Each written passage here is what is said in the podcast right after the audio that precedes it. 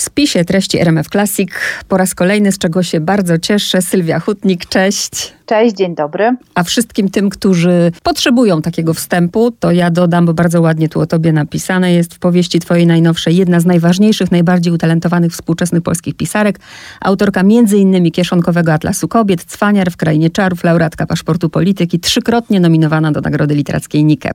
I teraz twoja powieść Tyłem do kierunku jazdy, premiera 13 sierpnia była, tak. Aha, nawiążę może do tego, co Martyna Wojciechowska napisała. Nareszcie, kocham Sylwię Hutnik, ja się zwracam do Wojciechowskiej, ja też, ale też chcę powiedzieć, że starałam się naprawdę, bo wiesz o tym, że cię bardzo lubię, ale właśnie tak to oddzielić i czytać yy, niezależnie od tego, czy lubię Sylwię Hutnik, czy nie, ale to jest tak się fajnie czytało. Miałam taką pogodę ducha przy czytaniu tej książki. Rzeczywiście jest y, tak, że może trochę planowałam, aby ta książka była czymś w rodzaju pocieszenia, ale raczej znana jestem z tego, że nieźle smucę w swoich y, powieściach i opowiadaniach. I jak nie ma przynajmniej jednej osoby nieżywej, to w ogóle mm, się to nie liczy, a nie piszę kryminałów, to trzeba podkreślić. Natomiast w przypadku tej najnowszej powieści miałam poczucie, że chyba wszyscy potrzebujemy takiego pokrzepienia, I nie jest to pokrzepienie, mam nadzieję i wrażenie, na siłę, to znaczy nie są to jakieś optymistyczne opowieści, wręcz przeciwnie, zanurzone raczej w realiach polskich, e, ale to właśnie z relacji międzyludzkich czasami y, można to dobro i radość i pokrzepienie mieć, więc y, to jest opowieść trzypokoleniowa, gdzie rzeczywiście ta radość y, jest widoczna, na przykład też na okładce, która przedstawia zdjęcie rozchichotanych dziewczyn, które jadą jakimś wagonikiem, może to jest roller coaster, sama nie wiem, ale widać, że naprawdę dobrze się bawią. Zanim o tych pokoleniach, to od końca skoro tak dobrze mi się czytało tę książkę, to się zastanawiam, czy też tak się, wiesz, dobrze pisało tę książkę. Czy to dla ciebie była, no bo oczekiwania nawet gdzieś tutaj mamy, że po, po długim czasie, długo oczekiwana powieść Sylwii Hutnik. Czy ty czułaś taką presję, że czekają na tę powieść i pisało ci się to trudno, czy tak samo ci się fajnie to pisało, jak mi się czytało? Przez te sześć lat, które minęło od y, wydania mojej ostatniej powieści, napisałam inne książki i e, ja cały czas czas piszę, między innymi też felietony, czy sztuki teatralne, czy artykuły naukowe, więc to nie jest tak, że wyszłam z wprawy. Natomiast y, jeśli miałabym y, wskazać jakieś trudności w pisaniu, to myślę, że był to czas pandemii. Dla wielu osób y, to był wymarzony czas, jeżeli w ogóle można w tym kontekście użyć takiego sformułowania, ale wymarzony w takim sensie zastopowania świata i zajęcia się różnymi y, rzeczami, na które zwykle nie miało się czasu. W moim przypadku ja również bardzo dużo pracowałam i pisałam, natomiast y, bardzo trudno było mi się skupić na jednej narracji, na jednej historii. Być może dlatego, że jakoś czułam cały czas takie, taką nerwowość, rozedrganie. Moja babcia chorowała ponad, ponad 3 miesiące, miała COVID, y, potem rehabilitacja, jakoś y, te myśli zupełnie mm, szły w inną stronę, więc skorzystałam trzykrotnie z takich króciutkich, ale jednak y, aktywnych wyjazdów pracy twórczej. E, byłam dwa razy w Domu Pracy Twórczej w Radziejowicach po 2-3 dni, więc nie jakoś długo i raz kilka dni w mieszkaniu przyjaciół w Sopocie, ale wtedy rzeczywiście pracowałam od rana do wieczora w jakimś takim po prostu prostu szale twórczym, co zdarza mi się tylko wtedy, kiedy się jakoś przetrzymam z tym pisaniem. To znaczy, mam mnóstwo pomysłów, mam rozpisaną fabułę, wiem mniej więcej, jakie są moje bohaterki czy bohaterowie, ale jedyne co, to brakuje mi czasu i takiego wielogodzinnego skupienia się na jednym temacie. Ja zwykle jestem taka multitaskingowa, wielotematyczna i wielozadaniowa, a tutaj miałam poczucie, że rzeczywiście potrzebuję po prostu mieć taki flow, poczuć taki klimat i, e, i wlecieć w tę opowieść i to na szczęście przy okazji tych trzech wyjazdów twórczych się udało i mówiąc szczerze, ja właśnie w te kilka dni napisałam książkę, ale oczywiście myślałam o niej o wiele dłużej. Zanim wejdziemy do środka i przedstawimy twoje bohaterki, to powiem ci, jakie miałam skojarzenie. Popatrzyłam na spis treści, nawiązując mm -hmm. też do mhm. tytułu programu, to się uśmiechnęłam, bo, przeczytam słuchaczom, mamy sześć rozdziałów. Jak być uśmiechniętą wbrew sobie, jak uprawiać seks i to z inną osobą, a więc jak się zakochać, jak mieć pieniądze i to dużo, jak rozmawiać z samą sobą, jak umierać z rozmachem. Dużo takiego słownego żartu, ale też niektóre odpowiedzi, no wszyscy byśmy chcieli odpowiedzi na te pytania, takie jakby wiesz, takie poradnikowe trochę. I też Pomyślałam o tym, że kiedyś bo kiedyś tak przynajmniej było, że ludzie starsi byli dla nas, byli po prostu mądrzy mądrością życiową. Dzisiaj mhm. starsze, starszego człowieka się nie słucha, dzisiaj uważa się, że jest do tyłu zacofany. Ta babcia Stasia na te wszystkie odpowiedzi daje pytania wnuczce i, i wiesz, tak... Y, to, to, skojarzenie, które mi przyszło, z takiego poradnika i tej rad od babci Stasi, czy, czy ty to miałaś na myśli? Trop jest słuszny, to znaczy ja oczywiście trochę wyśmiewałam e, taki poradnikowy styl tak. coachingowo-psychologiczny, którego sporo jest również w mediach społecznościowych, e, gdzie pada pytanie, a następnie pada bardzo prosta odpowiedź. Ona musi być prosta, bo się musi znaleźć, nie wiem, w kafelku instagramowym albo jednym facebookowym wpisie i absolutnie nie krytykuję tego, jeśli chodzi o samą treść. Być może są tam rzeczy słuszne, a piszą to kompetentne osoby, chociaż czasem to jest zupełnie odwrotnie. Fakt jest taki, że no, to brzmi tak bardzo prosto, to znaczy jesteś e, smutna, no to się uciesz.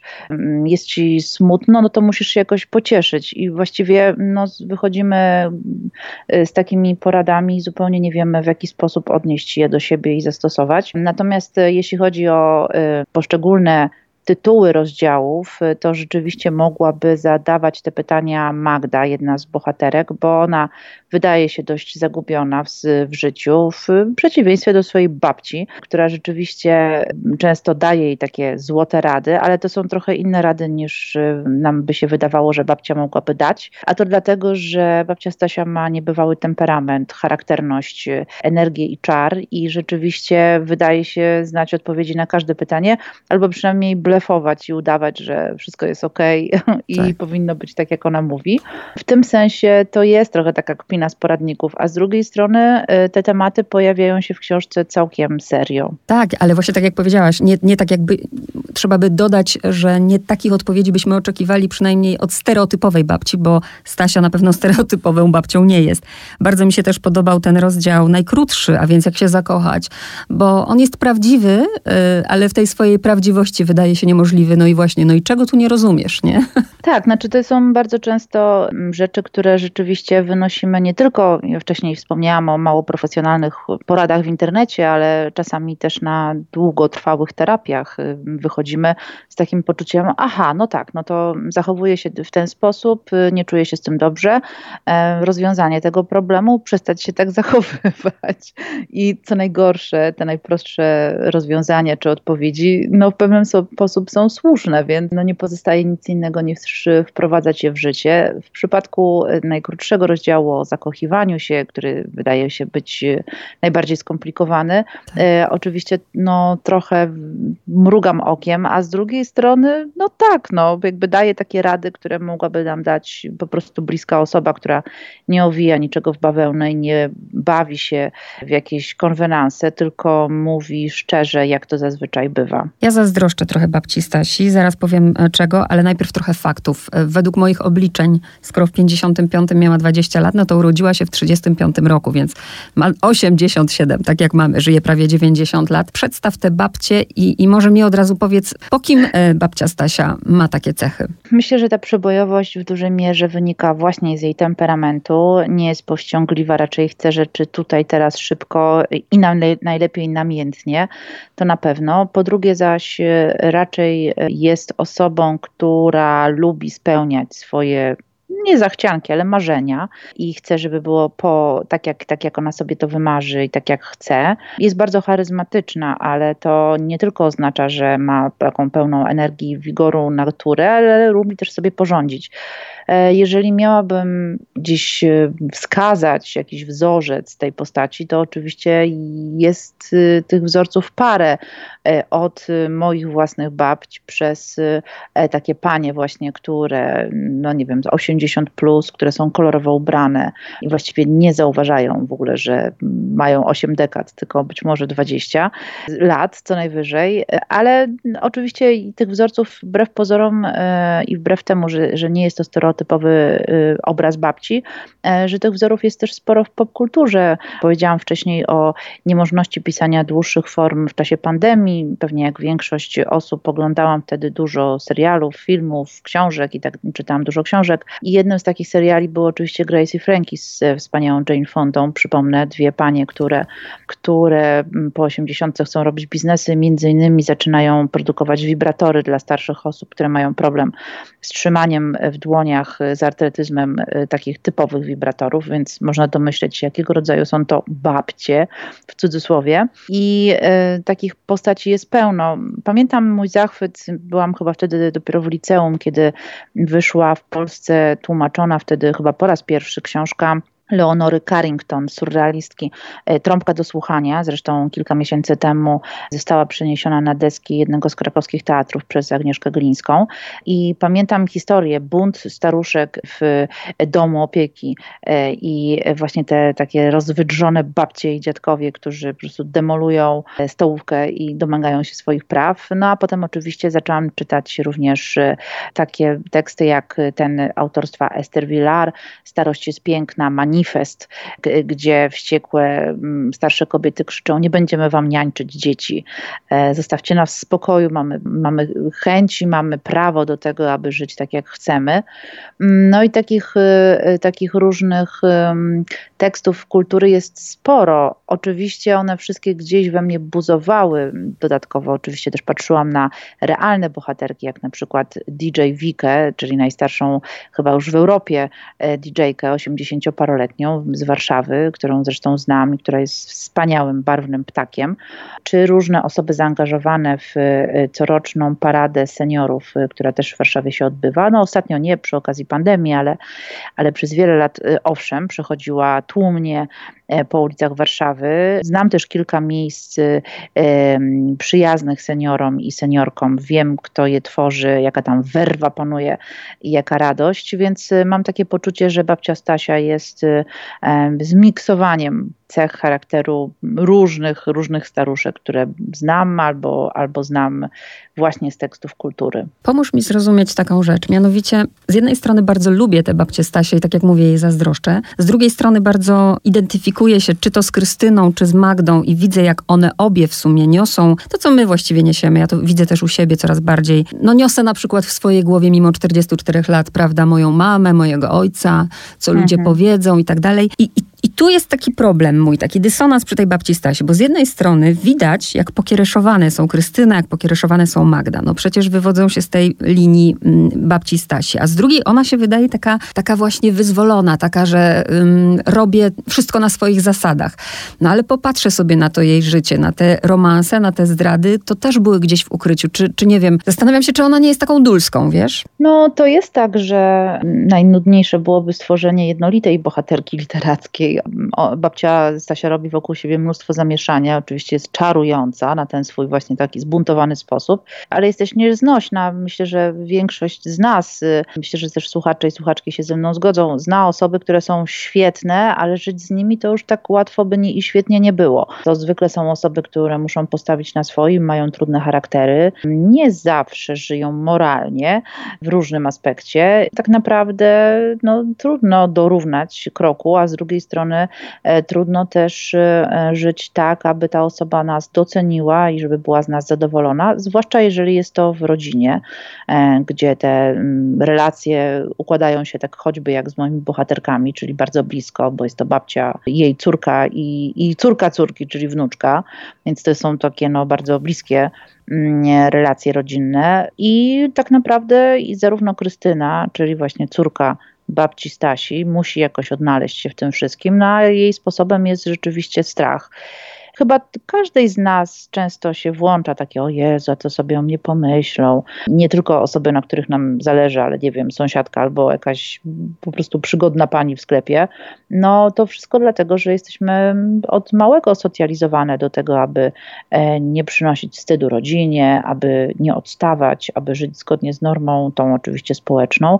W tym sensie trudno, żeby teraz y, każda z nas i każdy z nas byli e, wolnymi ptakami, którzy mówią, a dobra, co mnie to obchodzi, żyję po swojemu. To nie jest takie proste i o tym też jest ta książka że wolność rozumiana jako życie po swojemu i według własnego scenariusza jest też pracą, po pierwsze, bo w ogóle musimy wymyśleć, jak my chcemy żyć i kim być. Po drugie, zaś jest trudna o tyle, że raczej medalu nam nie, do, nie dadzą na wstępie, zwłaszcza. To znaczy, będą się denerwować i, i bliscy, i nasi znajomi, dlaczego akurat chcemy być takie, a nie inne. No a Potem przychodzi też płacenie za tę wolność, y, choć oczywiście cała książka jest peanem na, na rzecz życia, niezależnie od tego, no właśnie, co ludzie powiedzą, ale e, z tymi wszelkimi konsekwencjami. W przypadku Magdy, czyli wnuczki babci Stasi, ona rzeczywiście podpina się, można by powiedzieć, pod energię babci, czerpie z niej wiele, zresztą takie zdania też padają. I tak Magda myśli o tej relacji swojej z babcią, ale oczywiście no, rady babci są takie różne. No, jedną z tych rad jest to, żeby się uśmiechać, niezależnie od tego, co się dzieje w naszym życiu, po prostu, żeby udawać właśnie na zewnątrz, żeby, żeby ludzie nie myśleli sobie, że jesteśmy słabe. Czyli z jednej strony, co mnie to obchodzi, co ktoś myśli, ale na wszelki wypadek będę udawała, że jest świetnie. Czyli taka propaganda sukcesu, która wiemy, że stosowana dłużej w życiu prowadzi bezpośrednio na kozetkę do psychoterapeuty, bo jak uśmiechamy się za długo, wbrew sobie, jak mówi jeden z tytułów rozdziału, no to po prostu nie tylko boli nas skóra na y, twarzy, ale przede wszystkim serce i y, żyjemy wbrew sobie.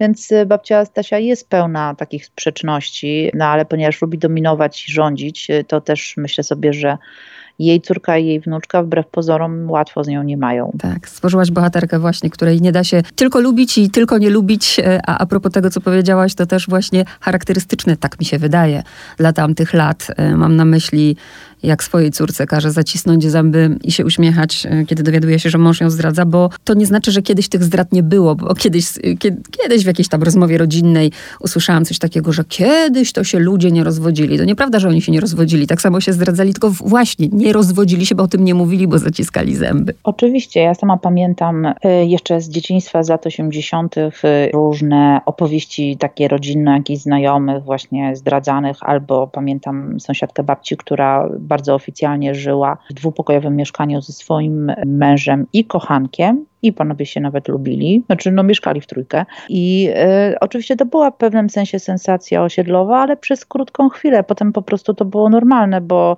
tam akurat dla, dla odmiany nikt nie ukrywał e, niczego, więc no w pewnym sensie można było bardzo szybko przyzwyczaić się do tej sytuacji, więc to nie jest tak, że poliamoria została wymyślona ostatnio. E, ona była, natomiast zwykle oczywiście ta podwójna moralność obowiązywała, myślę, że, że obowiązuje nadal. To znaczy, y, dobrze, mogą ze sobą być całe życie, ale co tam się dzieje w tej rodzinie czy oni w ogóle się kochają i czy się nie zdradzają, no to, to już jest inny temat. Natomiast babcia Stasia oczywiście żyje według takiej zasady, a z drugiej strony no, ma w sobie jakąś taką dziką żądzę życia zupełnie innego, właśnie takiego pełnego przygód, y, a na pewno pieniędzy i romansów. Udało ci się też coś takiego zrobić. E, tutaj dojdzie do zwierzenia, ponieważ jest ten moment w książce, gdzie babcia opowiada Magdzie, swojej wnuczce, swój dobry seks.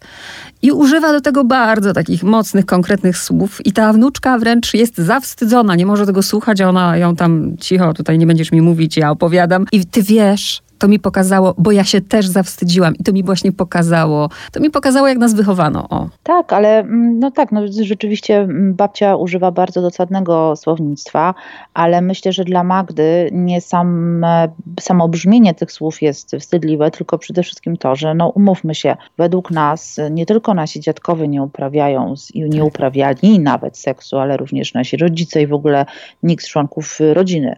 Wiadomo, y, trudno nam to jakoś sobie wyobrazić i to jest jakieś tabu, chociaż jest to absurdalne tabu, bo gdyby nie seks, to by nas tu nie było pokoleniowo. Natomiast e, na pewno jesteśmy zażenowane i zażenowani, a jak już by na, zaczęli nam opowiadać jakieś sceny łóżkowe, no to po prostu tylko paść na zawał.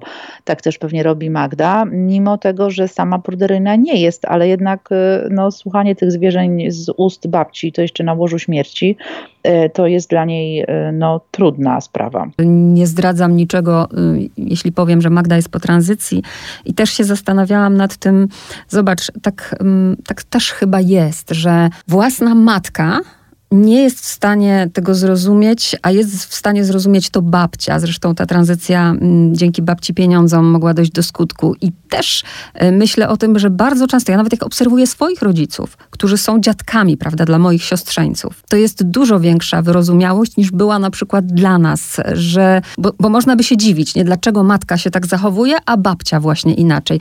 Myślisz, że to jest kwestia później wieku i tej świadomości, jakie się błędy zrobiło? E, nie mam kompetencji psychologicznych ani pedagogicznych, więc mogę tylko mówić o jakichś intuicjach, ale są one oparte między innymi na rozmowach z tymi czytelnikami, czytelniczkami, którzy już właśnie są po lekturze powieści, którzy spotkali się ze mną od momentu premiery na różnych festiwalach, po których namiętnie teraz jeżdżę. I oczywiście żywo dyskutujemy o książce. Y, I rzeczywiście też sporo osób zwróciło uwagę na to, że o ile mama nie jest w stanie zaakceptować swojej córki, o tyle babcia po prostu na 100% bierze Magdę z dobrodziejstwem inwentarza jako wnuczkę, którą nie tylko toleruje y, w cudzysłowie, ale przede wszystkim pomaga jej jak tylko może. I ten gest y, przekazania pieniędzy na tranzycję przez babcię był dla mnie bardzo ważny, bo zwykle jest tak, że osoby nieheteronormatywne albo osoby trans raczej nie znajdują zrozumienia wśród najbliższych, y, a na pewno nie wszystkich. No i nie słyszałam o takich przypadkach, gdzie, gdzie są jakieś wsparcia finansowe właśnie ze strony rodziny, jeśli chodzi o terapię, ale też jeśli chodzi na przykład właśnie o tranzycję czy, e, czy leki, więc pomyślałam sobie, że ten gest będzie tak szeroki, jak, jak właśnie, jak gesty szerokie ma babcia Stasia, ale rzeczywiście dużo osób, z którymi rozmawiam o, o, właśnie tych relacjach między bohaterkami, wskazuje na fakt, że w przypadku bycia babcią czy dziadkiem y, rzeczywiście jest tak, że nie ma już takiego ciężaru odpowiedzialności za dziecko. Można być bardziej no, fikuśną, jeśli chodzi o pomysły na spędzanie czasu, na to sławne rozpieszczanie, y, czyli tak naprawdę dawanie swobody i miłe spędzanie czasu, bo to mniej więcej się za tym kryje. Może czasem spędzanie zachciane no i co ciekawe, bardzo często też y, wśród y, babci i dziadków łamanie zasad panujących w domu, czyli trochę tak, jakby dziadkowie buntowali się wobec swoich dzieci, co też jest jakimś ciekawym w ogóle odwróceniem tej, tych ról też jest tak, y, nie ukrywajmy, że to nie dzieje się samo. Ja wcześniej mówiłam już o takim wychowywaniu społecznym, o socjalizacji i myślę sobie, że w tym sensie to też tutaj działa, to znaczy jest pewien obraz w naszym kręgu kulturowym babci i dziadka i aby łatwo go spełniać i, i być według tych zasad. No i jest też jakiś bardzo konkretny wzorzec matki i ojca w naszej kulturze, więc być może to nie dzieje się aż tak bardzo spontanicznie, tylko jest to w pewien sposób y, kierowane kulturowymi oczekiwaniami, ale rzeczywiście w tym wypadku no, warto powiedzieć, że i babcia, no dziadek też może mniej, bo jest wielkim nieobecnym, e, są tutaj bardzo wspierający i e, no, można by powiedzieć, że wypełniający lukę emocjonalną w życiu Magdy, jeśli chodzi o jej relacje z e, matką. Też zastanawiam się, na ile celowo to zrobiłaś w tym czasie, który się akurat teraz dzieje i w tym kraju, w którym akurat żyjemy i w strefach wolnych od różnych rzeczy że właśnie Magda jest bohaterką po tranzycji. Ja powiem ci szczerze, że byłabym nie wiedziała, gdyby nie to, że przeczytałam książkę i taka jestem wdzięczna e, Wojtaszczykowi Jakubowi za tę książkę Cudowne Przegięcie, bo dla mnie to był świat obcy. Ja jestem na niego otwarta, ale jeśli wiesz, on do mnie, ja go sama jakby nie szukałam. I po przeczytaniu mhm. tej książki Cudowne Przegięcie, kiedy czytałam na przykład twoją książkę i scenę w klubie, kiedy pojawia się Lula Polaka i ja wiem, o kim ty piszesz, nie? I to jest dla mnie, to było dla mnie takie super i cudowne, ale myślę też o ludziach, którzy na przykład sięgną po tę książkę nie mając właśnie tej wiedzy, mm, czy to dla nich nie będzie, wiesz, za, za, duży szok? Myślę, że, znaczy ja bym bardzo chciała, żeby był e, szok, bo szok zawsze daje e, początek myślenia albo jakimś refleksjom, ale rzeczywiście mam takie poczucie, że w przypadku mojej powieści jest tam tak wiele różnych poziomów i aspektów e, dotyczących choćby relacji w rodzinie, ale też wielu, wielu innych rzeczy, że to, że Magda jest transpłciowa, płciowa jest po prostu jednym z tematów. I kiedy rozmawiałam z Emilią Wiśniewską, prezeską Fundacji Transfuzja, która była konsultantką merytoryczną tej książki, czyli po tym jak już napisałam tekst, to wysłałam Emilii przed jeszcze y, ostateczną redakcją, aby wskazała no, jakieś miejsca, gdzie być może nie do końca wcielam się w postać y, transpłciowej kobiety, czy na przykład też nie używam odpowiedniego języka i tak dalej. I, i dla Emilii też początkowo to było takie zdziwienie. Mówi tak, no dobra, no zgłosiłaś się do mnie, myślałam, że to po prostu będzie opowieść o Magdzie jako głównej bohaterce i dużo o tym, jak, jak to jest być osobą trans. A dla mnie ważne było to, żeby to był jeden z tematów, żeby pokazać, że transpłciowe kobiety mają często bardzo podobne problemy do całej reszty społeczeństwa. Nie mają kasy, mają kiepską pracę prekariacką na 50 projektach, gdzie cały czas trzeba je kombinować i korzystać jakby ze znajomości, ale też wynajdywać coraz to nowe prace. Szukają miłości, szukają je między innymi poprzez aplikacje randkowe. Mają koleżanki, kolegów, bawią się w klubach, ale mają też właśnie różne relacje z rodziną. Jednym z, zdaniem po prostu mają wiele bardzo podobnych problemów. To, że akurat Magda jest transpłciową kobietą, oczywiście jest dla niej bardzo ważne, to, to ważny element jej e, tożsamości. Z drugiej zaś strony ma wiele, wiele innych e, wcieleń i, e, i wiele innych tematów, które można poruszyć w kontekście jej osoby, więc miałam takie poczucie, że ja i tak jakby nie, no nie chcę powiedzieć, że zamydlam ten, ten, ten temat, ale pokazuję go w bardzo szerokim aspekcie. Ale -hmm. oczywiście bardzo cieszę się, że reportaż o, drag, o scenie drag w Polsce pojawił się przed, ale że wcześniej też na rynku polskim pojawiły się tłumaczenia takich książek jak Trans i Pool Baby, Tori Peters, Bernardine Evaristo, książka z zeszłego roku Dziewczyna, kobieta inna, inna, e, czy choćby autobiografia która okazała się dwa lata temu w wydawnictwie Czarne Trans, e, Laury Jane Grace, e, która jest transpłciową kobietą związaną ze sceną pankrokową i opisuje swoją tranzycję i relacje z żoną, i relacje z córką, więc są to bardzo no, ciekawe, ważne tematy. Więc miałam też takie poczucie, że to nie jest tak, że wychodzę przed szereg i że, że nie będę miała zrozumienia. No i uważam, że moja książka nabrała również takich cech edukacyjnych, ponieważ y, tuż przed premierą Jarosław Kaczyński kilka razy wspomniał w swoich przemowach o, o osobach transpłciowych i jak łatwo się domyśleć w kontekście tej osoby, no był bardzo transfobiczny, więc mam nadzieję, że moja książka też po prostu mówiąc wprost i brzydko uczłowieczy transpłciowe y, osoby i no, da asumpt do refleksji, że są to takie same osoby jak reszta, z różnymi problemami, i i, ale też różnymi radościami e, i wpisuje to po prostu jakby w taką siatkę społeczną e, różnorodności, która oczywiście jest też jednym z głównych tematów mojej powieści. Myślę, że Magda w ogóle miała też dużo szczęścia, mając taką babcię. Myślę o jej koleżance, która nie miała tyle szczęścia. I też o tym, co powiedziałaś, że, że to jest książka, która szeroko traktuje, każdy ma tutaj swoją historię. Nawet już teraz nie, nie będziemy rozwijać ojca, jego alkoholizmu, ale też one mogą mieć swoje przyczyny. Ale jeszcze język, bo w klubie, w którym jesteśmy, zwróciłam właśnie uwagę na ten nowy język, nazwę go nowym. Mhm. I od razu blisko tego, o czym rozmawiałyśmy przy okazji ostatniego naszego spotkania, o feminatywach i o tym, że wczoraj czytałam wywiad z Krystyną Zachwatowicz, która powiedziała tak kategorycznie, Krystyna Zachwatowicz powiedziała coś takiego, że nienawidzę feminatywów. Nie jestem scenografką, jestem scenografem. I też pomyślałam, jaka długa droga jednak, nie? Ty pokazujesz ten nowy język, ale to jest jednak proces. Tak, jesteśmy w jego środku, stąd rozumiem, że niektóre osoby tak emocjonalnie podchodzą, że mogą powiedzieć, że nienawidzą czegoś.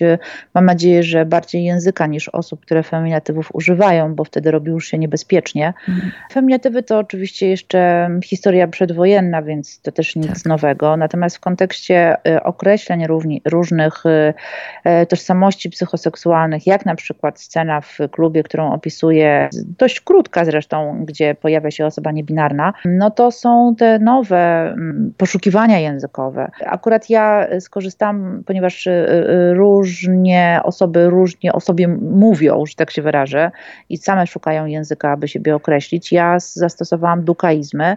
To jest nazwa od oczywiście pisarza Jacka Dukaja, który w jednej ze swoich swoich książek właśnie wprowadził osoby e, niebinarne, czyli takie, które nie utożsamiają się ani z płcią męską, ani z płcią e, kobiecą. No i próbował właśnie językiem znaleźć e, takie sformułowania gramatyczne, które najlepiej by oddały e, właśnie niebinarność. Nasz język e, jest tutaj trudny i to rzeczywiście brzmi trochę jako eksperyment. Ja akurat skorzystałam z tego, bo stwierdziłam, że skoro powoli mamy już tradycję literacką, to, to czemu z niej nie korzystać w Polsce? Ale oczywiście tych propozycji gramatycznych jest o wiele więcej i rzeczywiście dla mnie to jest po prostu wielka też radość, że ludzie sami szukają odpowiednich fraz, aby najlepiej jak mogą określić samych siebie i swoją tożsamość, bo e, język jest żywy, jest otwarty. Tak, ja wiem, że to dla wielu osób może być trudne, zwłaszcza wtedy, kiedy stresują się, że kogoś urażą, bo no właśnie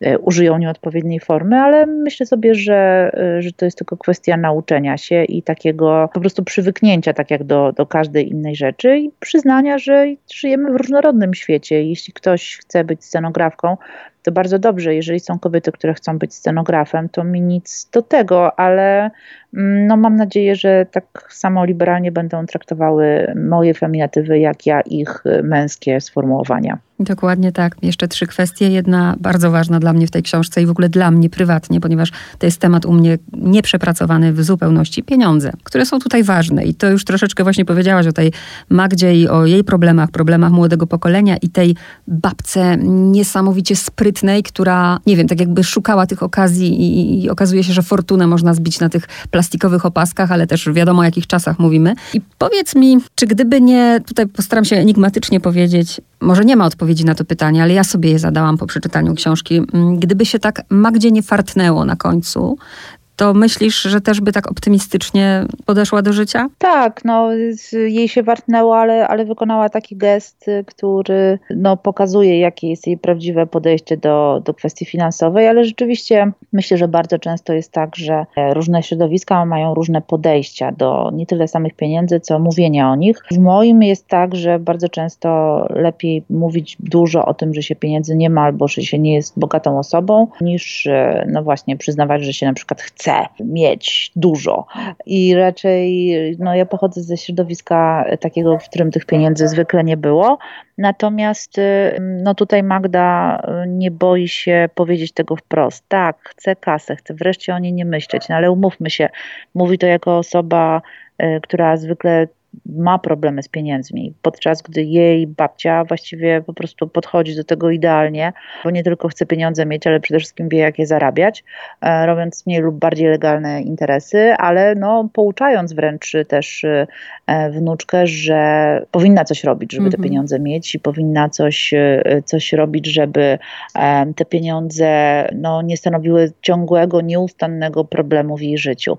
Więc myślę sobie, że w polskiej kulturze też jakby o pieniądzach się trudno mówi, bo albo się chwali, ile to się ich ma, albo albo wręcz przeciwnie narzeka, że się ich w ogóle nie ma. Bardzo się zdziwiłam, kiedy na przykład y, w Izraelu jest tak, że jak kogoś poznajesz, to oprócz tego, że pytasz się, co robi w życiu, to, to pytasz się, ile zarabia. I to jest bardzo ciekawe. Nie wiem, czy we wszystkich kręgach, ale... Już to ale... widzę u nas. No właśnie, u nas to jest wielka tajemnica. U nas nawet... by było zawsze za mało. Tak, nawet w pracy jest źle widziane, żeby mówić, ile się zarabia, tak. bo może się okazać, że nie wiem, koleżanka z biura zarabia, nie wiem, więcej niż my i wtedy już jest Y, problem, więc y, te pieniądze zawsze są jakąś wielką tajemnicą. Mało tego, skądinąd wiem, że w wielu małżeństwach czy związkach jest tak, że nie wiedzą partnerzy, partnerki nawzajem, ile zarabia druga osoba, więc to też jest w ogóle bardzo ciekawe. Traktuje się raczej te informacje jako coś bardzo prywatnego i okej, okay, rozumiem to, natomiast y, samo mówienie o zarabianiu, o kasie y, jest, jest wielkim tematem tabu. No oczywiście u mnie to też jest w kontekście ubóstwa albo, albo przynajmniej takiego wiecznego borykania się z pieniędzmi.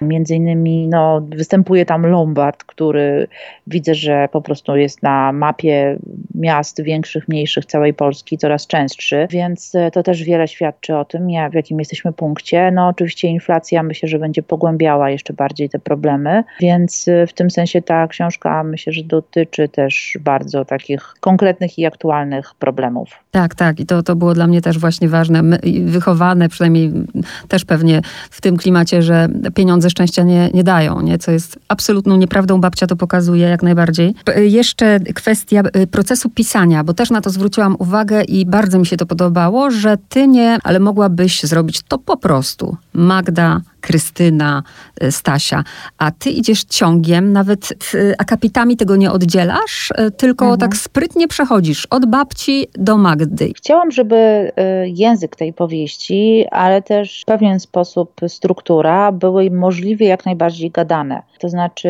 tak jak ja opowiadam jakieś rzeczy i tak jak jakiego języka używam i jakich sformułowań i jak jeden wątek wynika z kolejnego, tak tutaj chciałam, żeby było to e, odzwierciedlone, też po to, że, że wyobrażałam sobie, że ktoś po prostu bierze tę książkę i czyta na jednym oddechu, tak jak ja, go na, tak jak ja na jednym oddechu ją pisałam.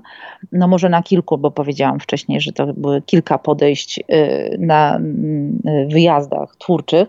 Natomiast chciałam, żeby to po prostu jakby żeby, żeby ta narracja szła szybko, a nawet biegła bardziej niż szła i stąd wydawało mi się, że kiedy te poszczególne bohaterki będą miały swoją, swój czas w tej narracji, że będzie to e, jeszcze lepiej odzwierciedlało właśnie ten pęd, ale i sposób, w jaki opowiadamy. On nigdy nie jest linearny, on jest czasem chaotyczny, wielowątkowy i jakoś ja lubię, oczywiście może nie za bardzo, bo czasem w niektórych książkach się gubię, ale w tym wypadku myślę, że, że tego zgubienia się tu za bardzo by nie było, bo też nie ma jakiegoś wielkiego tłoku, jeśli chodzi o postaci, a pomyślałam sobie, że właśnie ważniejsze dla mnie są te zagadnienia, czyli choćby tytuły rozdziałów, o których już mówiłyśmy, bardziej niż poszczególne właśnie wejścia bohaterek. Mhm. Ale to bardzo i, ciekawe właśnie.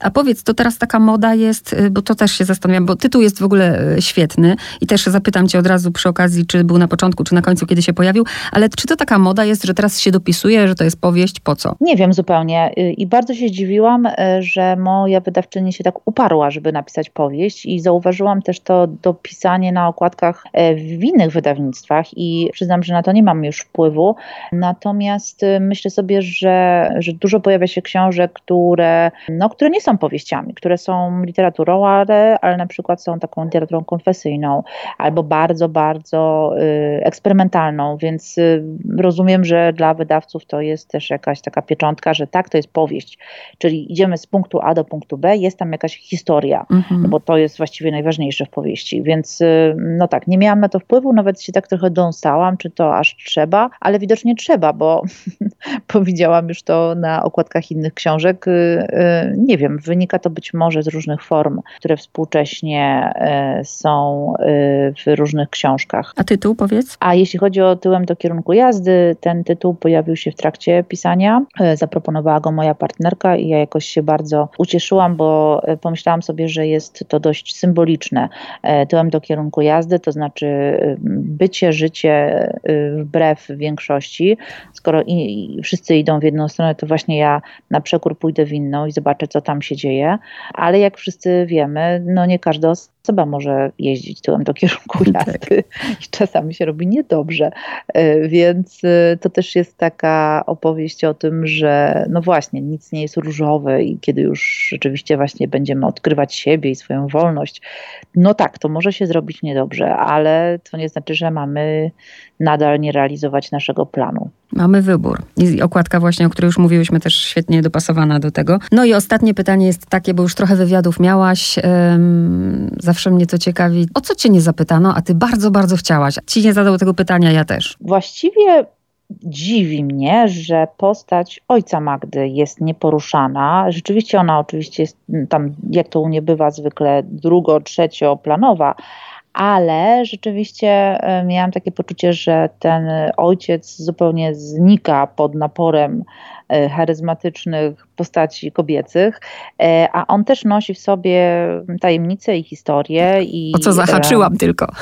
No właśnie, więc, więc zastanawiam się, czy te takie romskie tutaj, nie wiem, wątki, bo, on, bo one nie, dotyczą tylko i wyłącznie ojca Magdy, że są mało widoczne. Chciałam, znaczy nie wiem, czy, czy, czy bardzo bym chciała o tym rozmawiać, bo być może to będzie odkrywane dla osób, które jeszcze książki nie czytały, dość, że e, jest w niej między innymi wiersz Papuszy. No i tak. oczywiście mm, kolejny wiersz ważnej dla mnie poetki Anny Świerszczyńskiej, który rozpoczyna e, Właśnie. całą książkę i który ustawia tak naprawdę perspektywę. Znaczy to są poważne rzeczy, poważne sprawy, ale umówmy się, y, właśnie można umrzeć ze śmiechu, kiedy widzi się własne odbicie i zobaczyć siebie z trochę innej perspektywy niż czubka własnego nosa i bardziej zbliżyć się do perspektywy drogi mlecznej y, i kim my jesteśmy wobec niej. Żeby cię jakoś pocieszyć, nad y, Świerszczyńską zatrzymałam się długo, a o ojcu i o romskich wątkach